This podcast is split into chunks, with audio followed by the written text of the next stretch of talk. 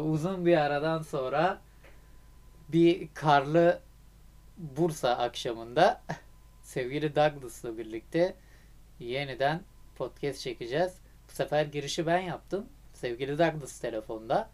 Sevgili Douglas hoş geldin.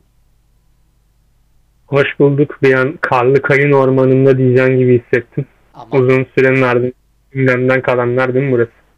burası gündemden kalanlar. Başka yerde şubemiz varsa ondan da bizim haberimiz yok tabi. Evet. Onlar anca götürü yapar doğru. Nasılsın görüşmeyeli ya? Çok uzun zaman oldu.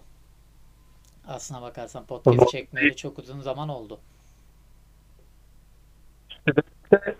Bir ses- 7 sesin kesik kesik geliyor. Bulunduğun yerde bir problem mi var? Diyorum ki süreçte 7 günlük bir ban yemiştik YouTube'dan. Evet. Şu an net geliyor değil mi sesim? Evet daha iyi. Sonrasında yine YouTube'a döneceğiz yani. YouTube'la aramızda seviyeli bir ilişki olduğunu herkes biliyor. Şimdi konularımız yoğun konular. Yoğun konulara Evet. geçmeden önce bir e, söylemem gereken bir cümle olduğunu düşünüyorum. Sevgili Sigmund'a buradan seslenmek istiyorum. Lütfen kanala bir daha giriş yapmayın sevgili Sigmund. Lütfen kanalda paylaşımda bulunmayın sevgili Sigmund. Rica ediyorum sizden sevgili Sigmund. Evet. Devam edelim. Yapıyormuştur herhalde. Şimdi abi Ma- olası bak şimdi. Rus Magazinle mi başlayalım, şeyle mi başlayalım diyecektim tam. Ee, dünyayla mı, siyasetle mi, neyle başlayalım diyecektim. Dünyadan bize doğru gelelim mi? Gelelim yavaş yavaş Yani gelelim. etraftan, etraftan gidelim böyle. Şimdi etrafta ve bizim coğrafyayı da ilgilendirebilecek çünkü bize de sıçrayabileceği söyleniyor. Evet. Bu Rus-Ukrayna savaşı bir taraf Türkiye'de olur mu? Olursa hangi tarafta olura geldi artık olay yani. Artık olası Rus-Ukrayna savaşı olası olmaktan çıkmış evet olacak deniyor. Ne diyorsun? Çünkü ABD de elçiliği falan kapattı mı? Ne oldu? Ya detayları şimdi, sende. Şimdi şu şekilde ABD elçiliği kapattı mı mevzusu?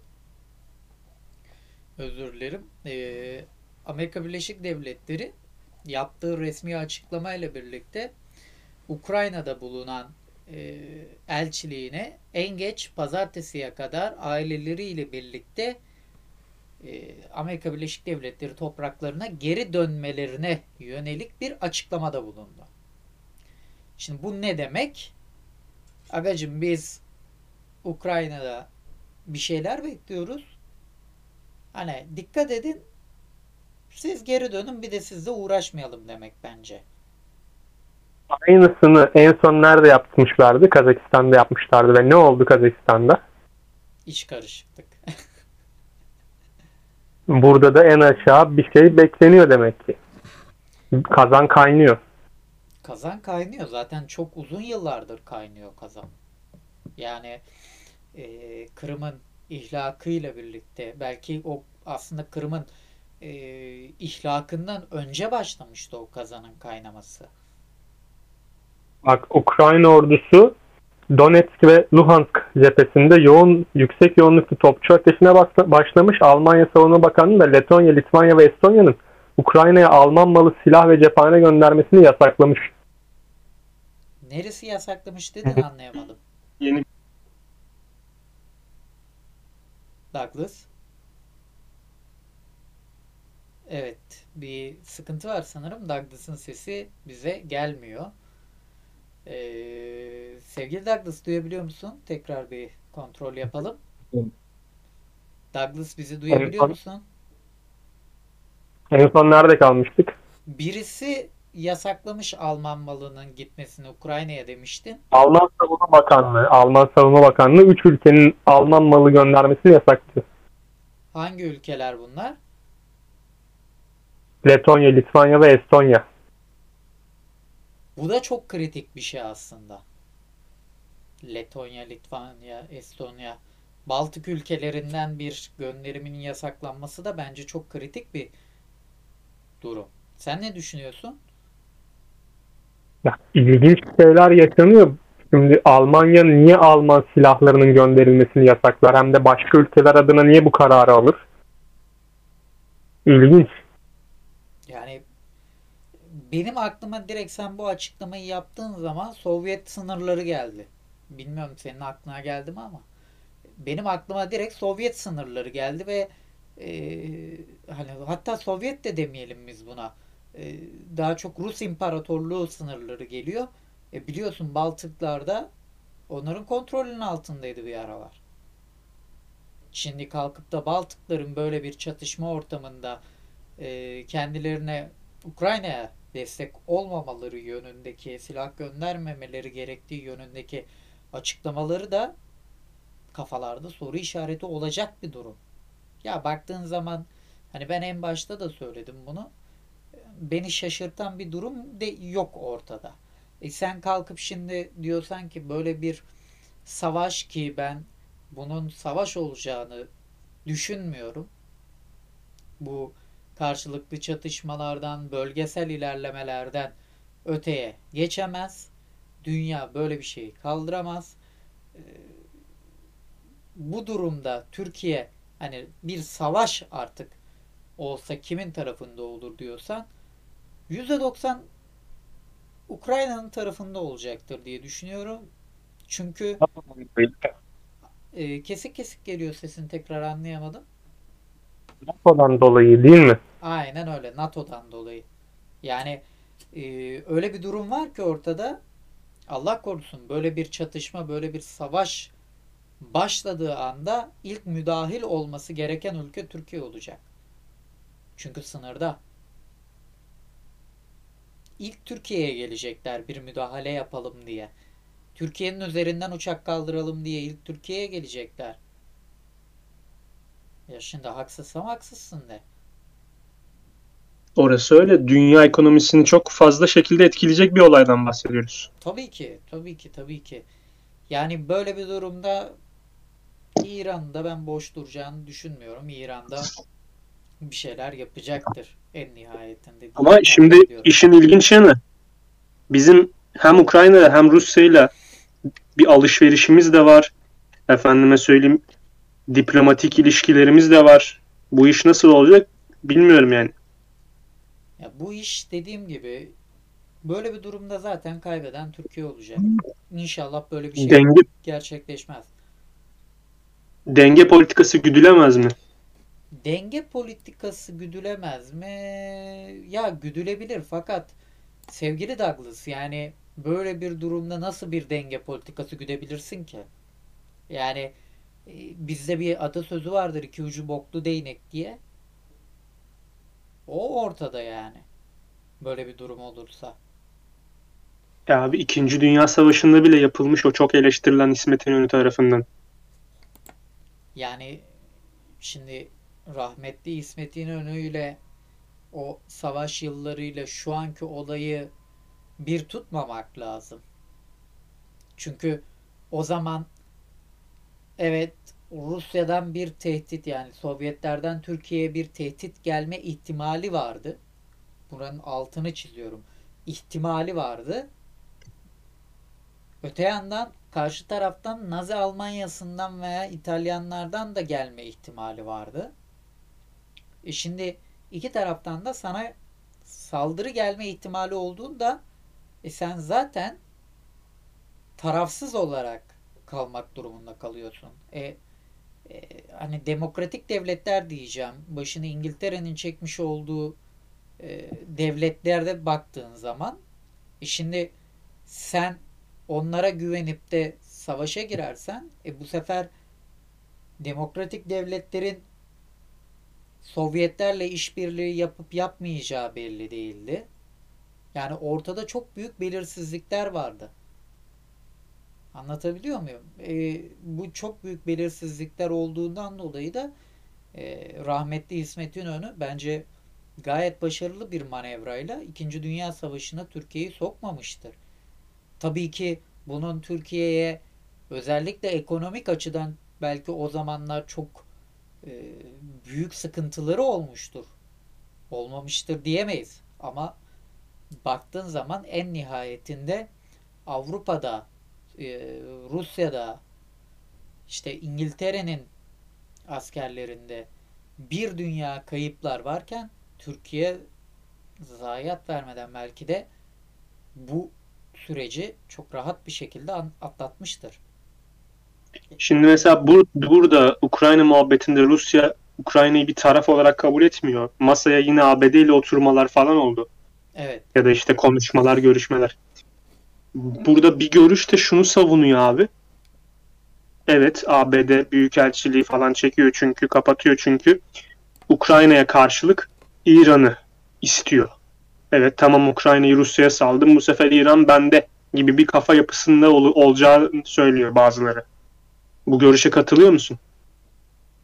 Kulaklığımda küçük bir problem oldu. Ee, tekrar edebilir misin son cümleni? Diyorum ki Ukrayna'ya karşı gelmiyor. İran, Heh, şimdi geldi. Tamam düzeldi. Ukrayna'ya karşı İran olacak mı diyorlar yani. Buna katılıyor musun? Ukrayna'ya karşı İran olur mu? Bak ben en başta zaten sana ne dedim? Ee, mesele Ukrayna-Rusya arasındaki meselede bir diğer meselede her zaman İran olacaktır demiştim. E, İran kendisine e, yakın bir devlet olarak, büyük süper güç olarak Rusya'yı biliyor. Böyle bir pazarlık yapılabilir mi? Evet yapılabilir. Yıllardır zaten Amerika Birleşik Devletleri özellikle İran özelinde baktığında bir e, emel güdüyor diyelim.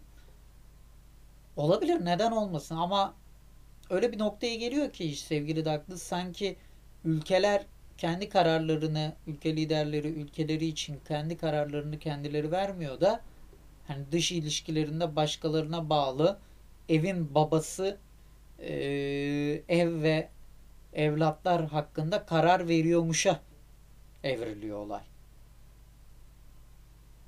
Şimdi Biden Japonya'nın başbakanıyla görüşmüş, acil görüşme yapmış.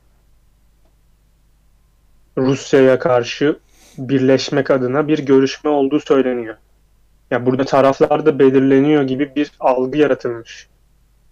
Şimdi Japonya bu tarafta nasıl bir etkisi olabilir? Ekonomik olarak etkisi olabilir belki. Yani oraya sıcak çatışmaya ne kadar etkili olabilir ki Japonya? Valla sıcak çatışmaya ne kadar etkisi olabilir bilemem. Ama özellikle Amerika'nın bulunduğu konum itibariyle eee, hani Rusya'ya bazı çıkartmalar yapmak isteseler diye düşünüyorum.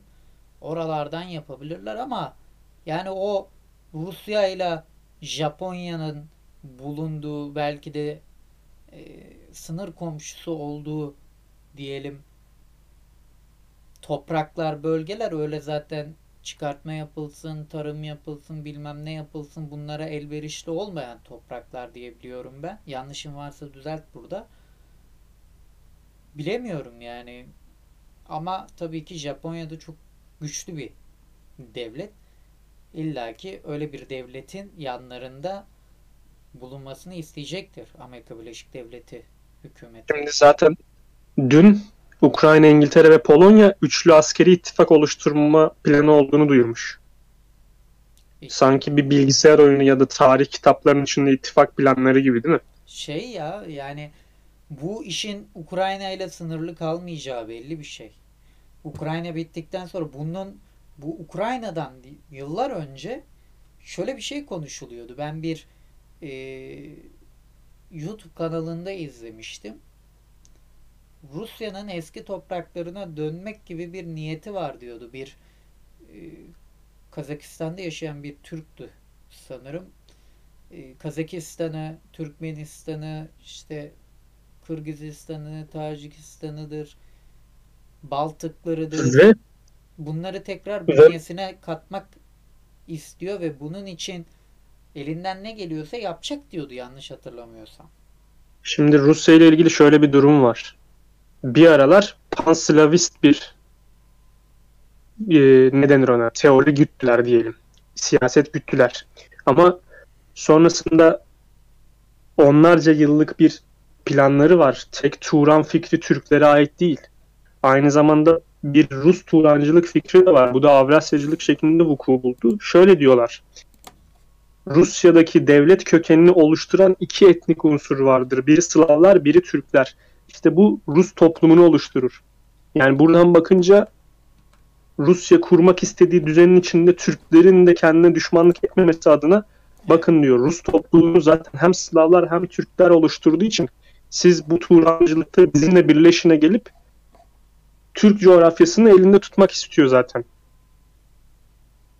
Ne diyorsun bu konuya? Haklısın. Sonuna kadar haklısın. Yani e, Polonya ittifakı ile alakalı da şunu söyleyebilirim. E, yani bugün hedef Ukrayna ise yarın hedefin Polonya olmayacağı ne malum. Bunu biz görebiliyoruz. Sen tarih tekerrürden ibarettir mi diyorsun? Tarih tekerrürden ibaret değildir. Ama bizde atasözü var ya hani e, kurt kışı görür ama yediği ayazı unutmaz tarzında. Unutmaz. Yani onlar da hedeflerini, ideallerini unutmuyorlardır belki de. Bu konu hakkında söyleyeceğin başka bir şeyler var mıdır? Yok şu an için yok. Devam edelim. Şimdi çok yerel ve yeni bir konu var aslında. Kısaca geçelim bunu.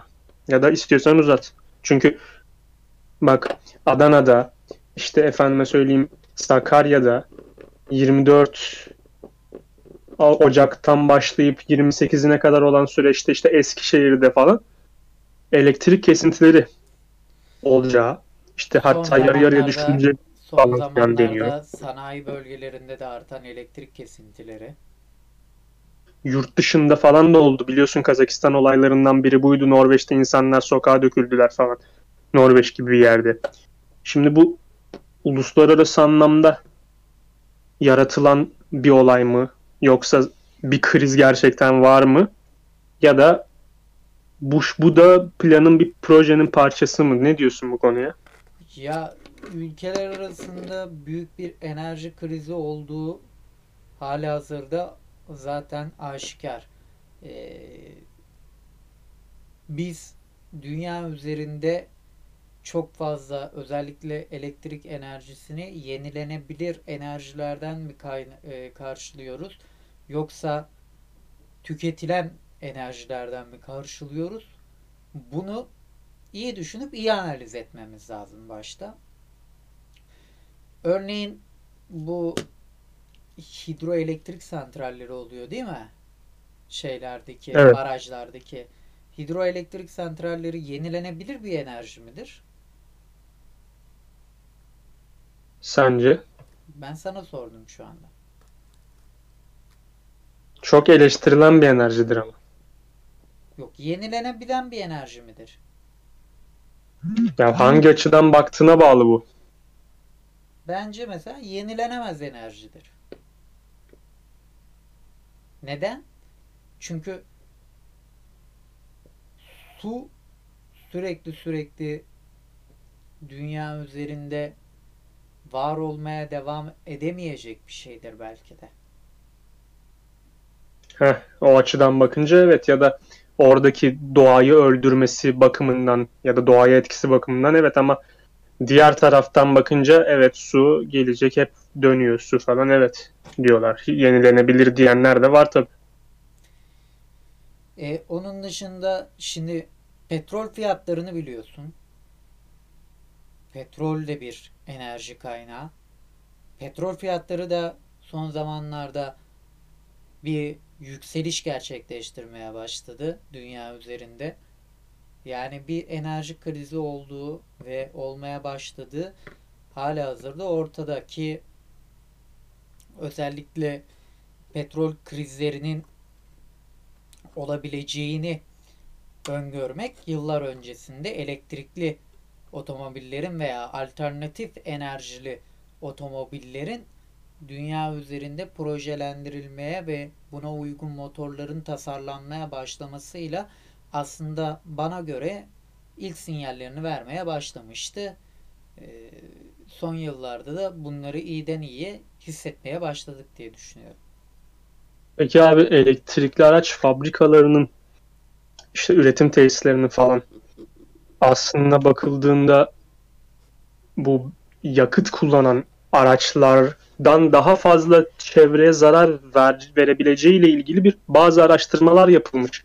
Eğer düzgün filtreleme yapılmazsa, eğer kontroller düzgün yapılamazsa hani faydadan çok zarar da görebiliriz deniyor. Şimdi bunun gerçekten düzgün kontrolün yapılacağını düşünüyor musun sen uzun vadede? Yani ben hani dünya özelinde bilemem. Ama Türkiye özelinde sadece şunu söylemek istiyorum. Ee, kontrollerin ne kadar yeterli yapıldığı veya yapılmadığı veya yapılacağı veya yapılamayacağı bence biz bunu son birkaç senedir Marmara Denizi ile birlikte görüyoruz diye düşünüyorum. Güzel. Şimdi geçenlerde şöyle bir haber vardı. Metaverse evreninde en çok arsa alan ülke Türkiye abi. Evet. Diğerlerini tokatlamışız. Şimdi bu açıdan bakınca kripto parada da Türkiye piyasası çok ra- ya Türkiye piyasası çok oynak. Şuraya bağlayacağım olayı. Bizim gibi ülkeler acaba şunu mu düşünüyor? İşte bir çıkış kapısı, kolay yoldan para kazanalım. Efendime söyleyeyim. Daha rahat yaşayayım falan filan diye düşünüp tüm parasını basan insanlar oluyor. Kriptoya olsun. Şu an işte Metaverse'e, NFT'ye. NFT geçen birisi şey yazmış ya NFT JPEG'ten ibaretmiş falan. Ben de geçenlerde şunu okudum. Sabah Tümer'in gülmesini satın almış birisi. Ben de oh seviniyordum Sabah Tümer'in gülmesini satın aldı da bir daha dinleyemeyeceğim diye. Abi dinliyorum yine ya. Yani sen aldın NFT'de ne oldu yani? Neyse onu geçelim de. Şimdi Bitcoin krizi yaşanıyor. Bayağı düştü falan filan. E, sen Bursa'dan bahsettin. Bursa'da iki kardeş kriptoya para yatırdıktan sonra intihar ettiler düşüş yaşadı diye. Şimdi insanların bir de bu durumları var. Sinir krizleri, psikolojik çöküntü.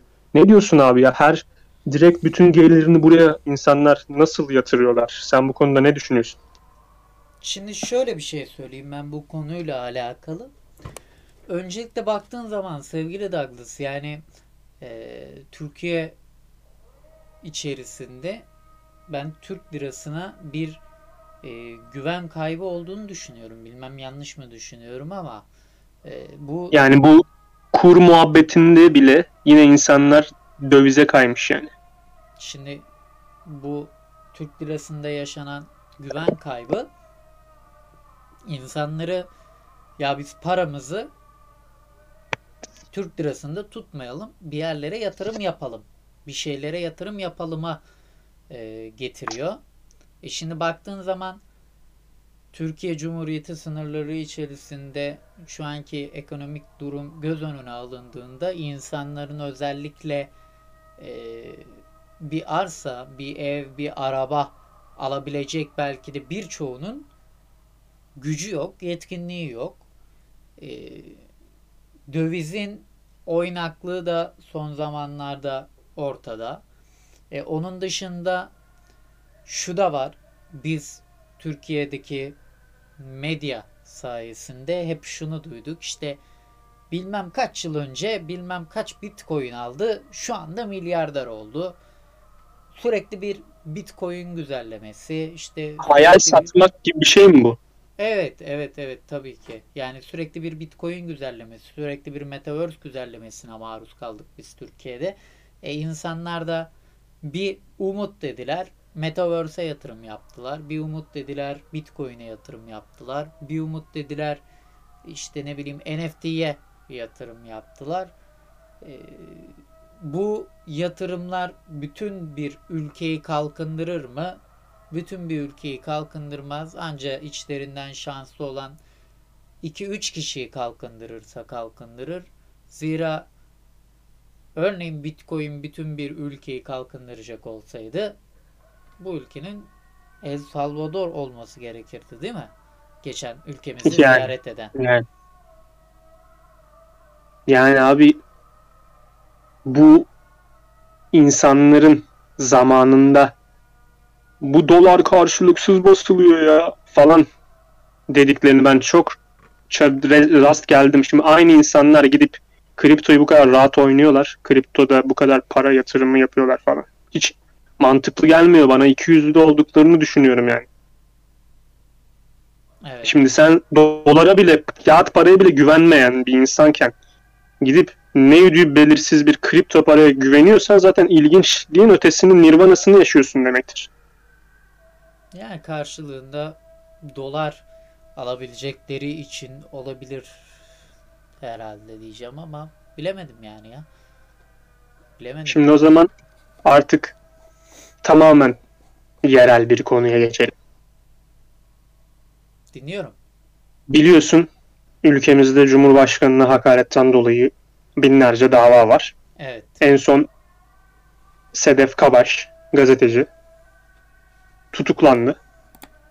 Bir Çerkes atasözü söylemiş yayında. Evet. Büyükbaş hayvan falan Çerkes atasözü zikretti doğrudur. İşte bu, bu, bu atasözünden dolayı belki her gün Çerkeslerin yüzlerce kez kullandığı ve her gün her Çerkez'in yüzlerce kez hapse girmesini gerektirecek bir atasözü mü bu yani? Yoksa bunun bağlamı başka yere mi çekildi? Yoksa direkt zaten Sedef Kabaş o bağlamda mı söyledi? Nedir olay? Ya şimdi Nevşin Mengü'nün bir eee tweetini söyleyeceğim. Bu benim şahsi fikrim midir, fikrim değil midir? Bu tartışılır. Bununla ilgili herhangi bir açıklama yapmıyorum. Sadece Nevşin Mengü'nün kendi orijinal Twitter hesabındaki açıklamasını okuyorum. Ha, yani bu kadar bile açıklama yapmak zorunda hissediyor musun? Yoksa zaten öylesine zaten yapacak mıydın? Bu açıklamayı. Sayın Nevşin Mengü demiş ki hakim Sedef Kavaş'ın tutuklu yargılanmasına hükmetti. Kulum siz delirdiniz mi? Şimdi aynı Nevşin Mengü şunu da demiş. Demokrasilerde birinin yaptığı bir açıklamayı benzetmeyi beğenmeyebilir, nahoş bulabilirsin. Sen de kendi açıklamanı yaparsın, kamuoyu takdir eder. Her beğenmediğini, beğenmediğin şeyi söyleyeni derdest edip içeri atamazsın. Diye de bir açıklaması da var Nevşin Mengü'nün. Geçenlerde Gonca Aytaş'ı bilir misin? Devam et. Ee, kendisinin bir videosuna denk gelmiştim. Öncelerde çekmiş olduğu. Kendisini de bu arada çok severim. Severek takip ederim. İnşallah bir gün kendisiyle bir podcast çekme eee, şerefine de nail olurum. Zira kendisinin fikir ifadeleri bakımından eee, gayet başarılı bulduğum insanlardan bir tanesidir. Bu tutuklamalarla alakalı özellikle son zamanlarda denk geldiğimiz bu sokak röportajlarından sonra gerçekleşen tutuklamalarla alakalı bir açıklaması olmuştu. Demişti ki insanlar artık konuşmaktan korkmuyor. Bu bir gerçek yani. Açık açık bir şeyleri ifade etmekten korkmuyorlar. Sokak Bu pandeminin getirdiği bir şey biraz da ya. ben pandemiyle ne alakası olduğunu anlayamadım. Hemen söyleyeyim. Çünkü maske takıldığı için çok daha rahat açıklama yapan insanlar var yani. Bunu bizatihi belirtti insanlar. Belirtenler var yani. Maske takıyorum zaten beni nereden bulacaklar diyor adam ve açıklamayı yapıyor. Hani e, Aslında yine içinde bir tırsıntı var yani. evet. İnsanların artık çok rahat bir şekilde konuştuğunu ve bu korku duvarlarının yıkıldığını söylüyor sevgili Gon- Gonca Aytaş. Ve akabinde şöyle söylüyor. Bu korku duvarlarının yıkılmasıyla birlikte diyor insanların üzerindeki hakimiyetini kaybedeceğini düşünenler diyor bu korku duvarlarını yeniden inşa edebilmek için bir şeyler gerçekleştiriyorlar diyor. E, bu da nedir? Sosyal medya özellikle ki biliyorsun normal ana akım medya olarak adlandırdığımız medya şu anda bir havuz medyaya dönmüşken sosyal medya insanların kendini rahat ifade etmeye çalıştığı yerler olarak lanse ediliyor. Burada insanların artık kontrollerini tekrar eline alabilmek için tutuklamalar başlatıldı demişlerdi. E bundan önce bu Çerkez atasözünü zaten Gonca Aytaş da paylaşımını yapmış. E, muhtemelen muhtemeldir ki yayın sonrasında e, kendisine bununla alakalı bir bildirim gittiği için bir paylaşımda bulunmuş. Sevgili Gonca Aytaş, şey özür diliyorum, e, Sedef Kabaş. Yani uzun lafın kısası biraz bölük pörçük ve çok oradan oraya atlar şekilde bir şeyler söylemeye çalıştım ama hepsini toparlayacak olursam şunu söyleyebilirim. Bu Gonca Aytaş'ın da dediği gibi bir duvar projesi olarak adlandırılıyor bence. Yani hani burada bir hakaret unsuru bir vatandaş olarak şimdi düşünüyorum. Bir atasözü olarak mı söylüyor yoksa direkt e, Türkiye Cumhuriyeti Cumhurbaşkanı Sayın Recep Tayyip Erdoğan'a yönelik mi söylüyor? Bunu bilemem. Yayının tamamını da izlemedim. Ama bir atasözü olarak söylüyorsa yani bir tutuklama gerektirmez ama direkt şahsa yönelik bir veya makama özellikle makama yönelik bir e, açıklama varsa tabii ki burada bir işlem gerekebilir. Ama burada şu ince çizgide var sevgili Douglas. Nedir o ince çizgi diye soracak olursan cümlenin... Eleştiriye tahammül. Yok hayır. Hayır hayır hayır hayır. Cümlenin içerisinde geçen cümlenin içerisinde geçen saray kelimesi. He o zaman sıkıntı yok ki külliyede zaten sarayla bir alakası yok ki olayın. Yani bu Bizim Cumhurbaşkanımız külliyede değil mi? külliyede tabii ki. Tamam o zaman bu söz ona zaten gidemez. Sözde saray geçiyor yani değil mi? Tabii ki. Ya O zaman Mesela Twitter'a bakıyorum şu anda. kim kim bunu üstüne alınıyor abi? Nasıl böyle bir şey olabilir? Şu anda Twitter'a Ya da kim bakıyorum. kim bir ilginçlik var ortada yani. Mesela birisi demiş ki Sedef Kabaş hakaret etmiştir veya etmemiştir. Bu tartışılabilir. Yaralama, gasp, uyuşturucu, ticaret gibi suçlardan yakalananların neredeyse tamamı adli kontrol şartıyla serbest bırakılırken Sedef Kabaş'ın tutuklanmasını bana izah edemezsiniz demiş birisi. Nihat abi. Şey ne? Ee, 16 yaşındaki bir kız taciz olayı vardı. Adam ev hapsiyle kurtuldu değil mi? Yani hani- Şimdi bu konuda Ben- bir ben- şey soracağım Ben ya. sadece şunu anlamıyorum. Sevgili de haklısın. Yani bu kadın yani bu kadın tabirimi de maruz görsünler. Terörist miydi abi? Bir terör eylemi mi gerçekleştirdi de tutu, tutuklandı? Kamu Şimdi ben o zaman- dakika. Kamu malı mı çaldı? Kamu malı mı çaldı bu kadın?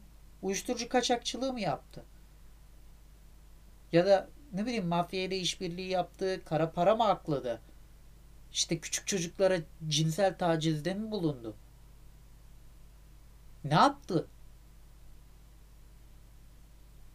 Yok bir açıklama yok. Ben bilmiyorum. Sen belki biliyorsundur. Anayasada böyle bir şey var mı? E abi bu ülkede küfürlü atasözleri de var ya. Yani aklım almıyor ya benim. Aklım almıyor. Kalkıp sevgili Douglas bak samimiyetimle söylüyorum. Kalkıp özellikle sosyal medyada Twitter'da mesela şey serbest bırakıldığında işte 16 yaşındaki çocuğa taciz edenler, tecavüze girişiminde bulunanlar, adam öldürenler serbest bırakıldığında Tamam mı? Twitter'da ağzını açmayan insanlar ağzını açmayan insanlar örnek olarak söylüyorum bunu. Bugün Twitter'ın birinci sırasında olan Sedef Kabaş yalnız değildir etiketinde Sedef Kabaş için ağza alınmayacak ifadelerde bulunuyorlar. Ya abi, Ama onlara hiçbir şey yapılmayacak. ya abi sen hırsızlığa susuyorsun. Serbest bırakılan hırsızlardan bahsediyorum. Uyuşturucu ticareti yapılmış, serbest bırakılmış, susuyorsun. Çocuğa tecavüz etmiş, cinsel istismarda bulunmuş veya yetişkine tecavüz etmiş, istismarda bulunmuş hiç fark etmez. Bir şekilde serbest bırakılmış. Susuyorsun. Bir şey söylemiyorsun. İşte ne bileyim başka başka şeyler yapılmış. Susuyorsun.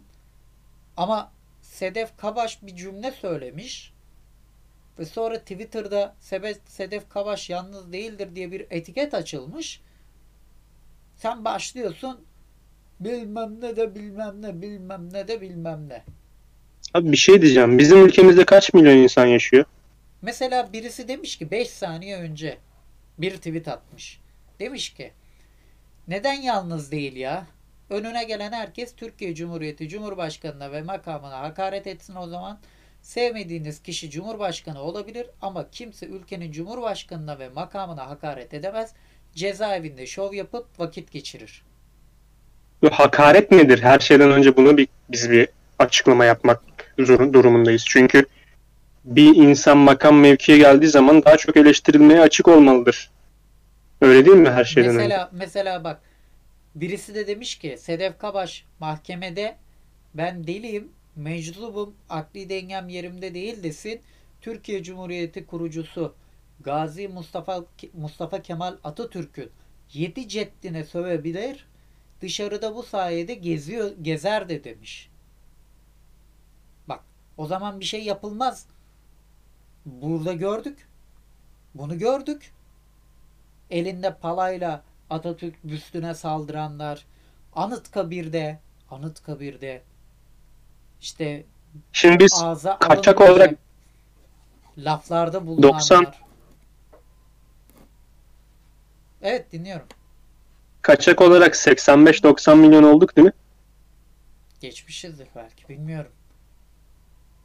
Neyse 85 milyonunu hesaplayayım. Evet. Hadi Sayın Cumhurbaşkanımızı çıkaralım. 84 milyon 999 bin 999 kişi. Sayın Erdoğan'ın 5 sene önceki bir açıklaması var. Çobanlığın felsefesini anlamayan insan yönetemez. Ben de bir çobanım dedi. Yani sana bana 84 milyon geri kalan insana buradan şu anlam mı çıkarın? Buradan şimdi Sedef Kabaş onu dedi diye o anlam çıkıyorsa o zaman 84 milyona da ya büyükbaş ya küçükbaş hayvan denmiş oluyor. Şimdi bu mantıkla gitmememiz lazım ama. Öyle değil mi yani? Şimdi ben bir haber örneği vermek istiyorum buradan. H Haber'in haberi bu. Ki başka yerlerde de illaki bulabiliriz bu haberi. Ben önümde şu anda H Haber açık olduğu için söylüyorum. 56 yaşındaki komşusu tarafından tacize uğradığını yazarak hayatına son veren 16 yaşındaki lise öğrencisi Damla Demir'in tırnaklarından alınan DNA örnekleri tacizci şahsın DNA'sı ile eşleşti.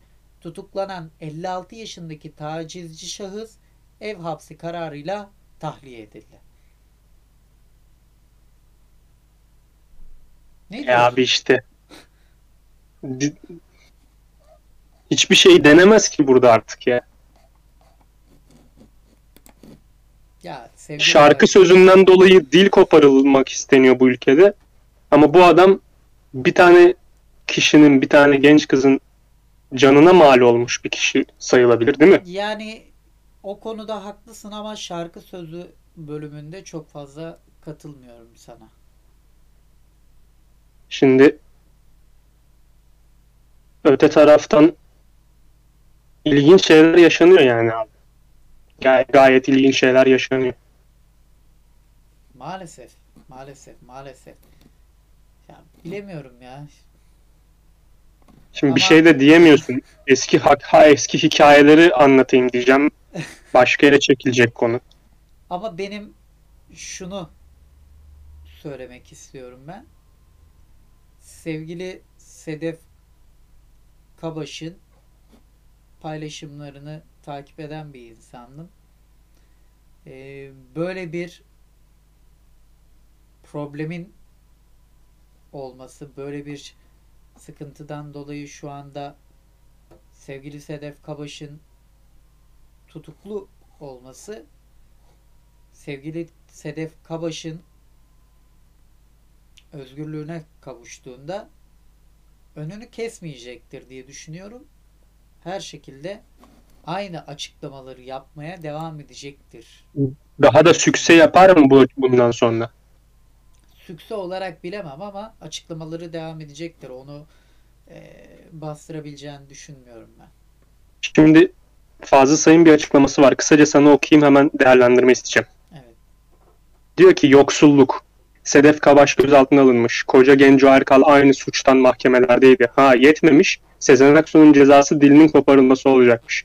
Genç bir insan tüm bunlara ne düşünüyordur dostlar? Yoksulluk yüz çarpı yoksulluk olmuş. Düşüncelere daldım. Kim ne düşünür ne hisseder neyin hesabını yapar bilemedim. Sedef Kabaş'ın gözaltına alındığıyla Sezen Aksu'nun dilini kopartılmasıyla uyandığım bir Türkiye sabahı kapkaranlık bir sabahtır benim için. Evet yoksuluz. Bu kadınlarımızı korumazsak daha da yoksuluz demiş. Şimdi Sezen Aksu'ya şu konuda zaten herkes yıllardır eleştiriyordu. Hani yetmez ama evet muhabbetinle falan filan. Ama yine o eleştirdiği o camia ona ka- e, ne derler arka çıktı falan filan. Sen ne diyorsun fazla sayın açıklama? Şimdi burada kadınlara karşı yapılan bir olay olarak bunu lanse edebilir miyiz? Ya kadınlara karşı yapılan bir olay olarak lanse edebilir miyiz? Lanse edemeyiz ya. Kadınlara karşı yapılan bir olay ol, eee, noktasında bunun için yapılmış bir şey değildir. Yoksulluk nedir? Ben onunla ilgili bir cümle kurayım sana. Yoksulluk nedir biliyor musun sevgili Douglas? Yoksulluk bu ülkede bir partinin genel başkanının ben et almıyorum kuzu kestiriyorum daha ekonomik oluyor demesidir. Yoksulluk budur. Ama sen ona hangi anlamda yoksulluk diyorsun? Anlayan anlar. Halkı tanımama anlamında mı yoksulluk? Ben açık bir şey söylemiyorum. Ben sadece şu cümleyi kuruyorum. Yoksulluk bu ülkedeki bir partinin genel başkanının ben et almıyorum, kuzu kestiriyorum daha ekonomik demesidir yoksulluk. Bu kadar net yani diyorsun. Şimdi bazıları şeyi anlayamayacak ama açıklamaları. Senin bazı açıklamaların böyle kapalı kalıyor.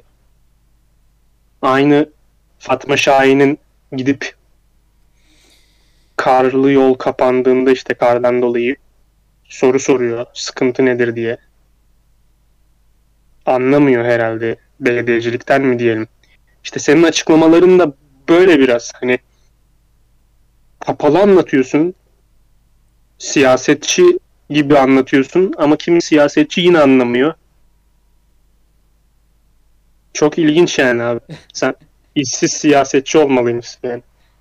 Ya benim siyaset isteğim aslında hep vardı. Bir hedefim var zaten siyasetle alakalı. Bir gün Türkiye Cumhuriyeti'nin Türkiye Büyük Millet Meclisi'nde X bir partinin milletvekili olarak bulunma gibi bir idealim, bir hedefim var benim. Peki abi bir şey diyeceğim. Partisiz bir meclis olsaydı nasıl olurdu Türkiye'de? Partiler yok abi. Bireysel insanlara oy veriyor kişiler. Kendi seçim bölgelerinde adaylar istediği adaya oy veriyor. Parti yok. Herhalde Jahreyn gibiler kol gezerdi orada. Hmm. Bunu olumlu anlamda mı söylüyorsun, olumsuz anlamda mı? Yani Jahreyn gibiler kelimesinden ne anlıyorsan onu anla sevgili Douglas. Şimdi Sen ben sen ben o mecliste olamayız. Jahreyn gibi iki şey anlıyorum. Jahren gibiler o meclise girilmesinden iki şey anlıyorum. İkisini de anlatayım mı burada? Tabii ki. Lütfen. Şimdi birinci anladığım işte genç nesle daha yakın olan birisi işte daha sorunları çözmeye yatkın olan birisi meclise girecek ve onlar gibiler girecek. Birinci anlam bu. İkinci anlamda işte sosyal medyada ün yapmış rezil rüsva insanlar meclise girecek gibi bir şey. Sen hangisini söylüyorsun abi? Yoksa ikisinin ortasında bir şey mi söylüyorsun? 1.85. cümleyi kuruyorum ben. Şöyle sosyal medyada ün yapmış rezil rüsva demeyelim de kişiler daha çok girer. Yani rezil rüsva kelimesi doğru bir kelime değil. Çözüm odaklı olup olmadıkları tartışılır. Ama oraya giren insanlar böyle sen ben olmayız. Çözüm odaklı olmaz mı diyorsun artık? Girdi mi artık bitiyor mu olay? Çözüm odaklı olur mu olmaz mı bu tartışılır dedim. Hayır hayır. İşte meclise girince sıkıntı yarat yaşarlar mı diyorsun? Bilemem. E şimdi bak şu konuda şunu söyleyebilirim ama. E, Jahreyn meclise girse ben bir şey yapabileceğini zannetmiyorum. Yani şu şartlarda çok zor tabii. Çünkü tek başına kalacaktır muhtemelen. Ki gireceğini düşünmüyorum da. Girdiğini Ama varsay, mesela- girdiğini varsay oradan da gideceği parti bellidir. İlla bir partiye giderse. Böyle bağımsız giren adayların işte kendilerinde bulunan idealizm aslında belli bir aşamadan sonra kaybolabilir ya. Sen ben gitsek bile o idealizminiz yok olabilir yani. Çünkü bir şeyler önereceksin, bir şeyler yapacaksın, yapmak isteyeceksin. Orada sana zaten en başta kendi partililerin karşı çıkacak. Ya bu olmaz, şu olmaz, bu olmaz, şu olmaz derken sen artık belli bir aşamadan sonra lan lanet olsun önermiyorum hiçbir şeye geleceksin zaten. Ya herkes için geçerli değil bu cümle. Ben meclisin o kavgasını, gürültüsünü, o meclisin herkesin birbiriyle çekişmesini seviyorum. Tartışma ortamı iyi de kavga kötü ya kavga olmasın. Olsun olsun. Rahmetli Kamer Genç'in olduğu zamanlardaki gibi olsun. Ya o zaten bak sana söyleyeyim 5 tane kamer genç yetermiş meclise. Öyle. Öyle abi öyle. Ama şunu da biliyorum ki çok acı bir gerçek bu. Hangi siyasi partiden milletvekili adayı olmak istersen iste ya paran olacak Ya kodamanlarla aran olacak. ya da parti içindeki kodamanlarla aran olacak. Belki ben girsem örnek veriyorum. Parası olmayan bir insanım ama diyeceğim ki bana verilen maaşın 5000 lirasını ben kendime alıyorum geçinebilmek için. İşte geri kalanını kimsenin haberi olmadan çoluk çocuğa, üniversite öğrencilerine burs olarak vereceğim. Bir şeyler yapacağım insanlar için. Halktan aldığımı halka geri vereceğim belki ben. Bu bir örnek. Bir örnek bu. Ama başka biri gelecek. Kodamanlarla arası iyi. Senin tabirinle. Bu adam ne yapıyor? Bu adam ya biz işte milletvekilleri olarak et yiyemiyoruz diye açıklamalar yapıyor. Meclisin lokantasına zam geldi diyor. Biz çok çalışıyoruz diyor. Benim oy verdiğim milletvekillerinden hani bir tanesini teğet geçiyorum. Çünkü en azından bayramda seyranda bana mektup gönderiyor kendisi. Belki hani toplu gönderilen bir mektup bu ama en azından beni düşündüğünü, beni bildiğini düşündürüyor bana bu. Diğerlerinden bir tanesini bu zamana kadar ben kendi aramda göremedim. E hani sen milletin vekiliydin. Benim vekilimdin. Benim problemim var. Hangisini çöz, çözdün? Hangisini mecliste dile getirdin? Ve abi sen mesela sen milletin bir ferdisin. O da senin vekilin aslında. Hani o kadar açık ve net ki bu. Yani bir vekil nasıl senden orada. Senden nasıl daha üstün olabiliyor ya da öyle hissedebiliyor? Bu da ilginç bir konu. O da ayrı bir tartışma konusu. Bu podcast'in konusu değil o. ki. Türkiye'de Türkiye'de seçenler değil seçilenler üstündür. Türkiye'de seçenler değil seçilenler üstün. Son laflarını alalım sevgili Douglas. 50 dakika oldu. Toparlamak gerekirse neler söylemek istiyorsun? Bu cümleyi hep sen Yani- bana. Senden de alacağız ama birazdan. Ben şunu diyorum. İnsanların bazıları tabii ki sınırlar onlar için çok küçük olabilir. İşte ama yine de kendilerini aşmaları gerekiyor bazı noktalarda. Bazı radikal söylemlerde hani bulunanlara bile tahammül edebilmemiz gerekiyor. Ama bu radikalin tabii yine de bir ahlaki, etik veya hukuki sınırları tabii ki çizilecek ama Şimdi sırf Nevşin Mengü'nün de dediği gibi beğenilmeyen bir şey için herkesin önüne bir dava çıkarmak mantıklı gelmiyor. Çünkü zaten podcast'in içinde de dedim abi. Atasözünde saray geçiyor. Sarayda oturmuyor ki Cumhurbaşkanı. Külliyede oturuyor. O yüzden bir sıkıntı yok zaten. Yani o söz Cumhurbaşkanlığı değil o söz yani. Sen ne diyorsun abi? Diyecek başka bir sözüm yok benim ya.